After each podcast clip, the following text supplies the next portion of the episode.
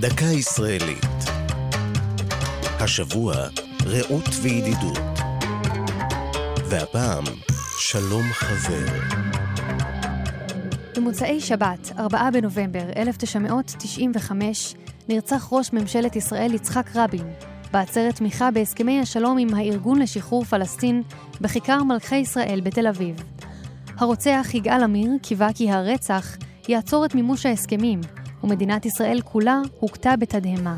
נשיא ארצות הברית דאז, ביל קלינטון, שניהל עם רבין מערכת יחסים חמה סביב חתימת הסכם אוסלו, היה המנהיג הבינלאומי הראשון שהתראיין באותו ערב.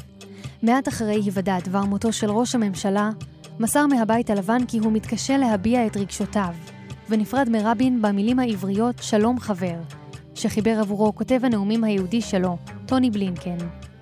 כעבור יומיים, בא קלינטון להלוויה שנערכה לראש הממשלה בהר הרצל.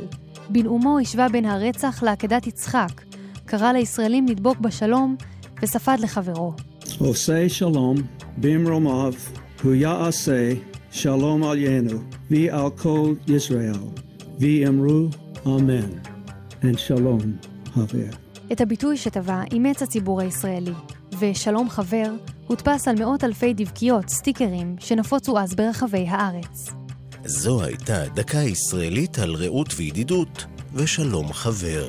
כתב יואב אונגר, ייעוץ הפרופסור יוסף גולדשטיין, ייעוץ לשוני הדוקטור אבשלום קור.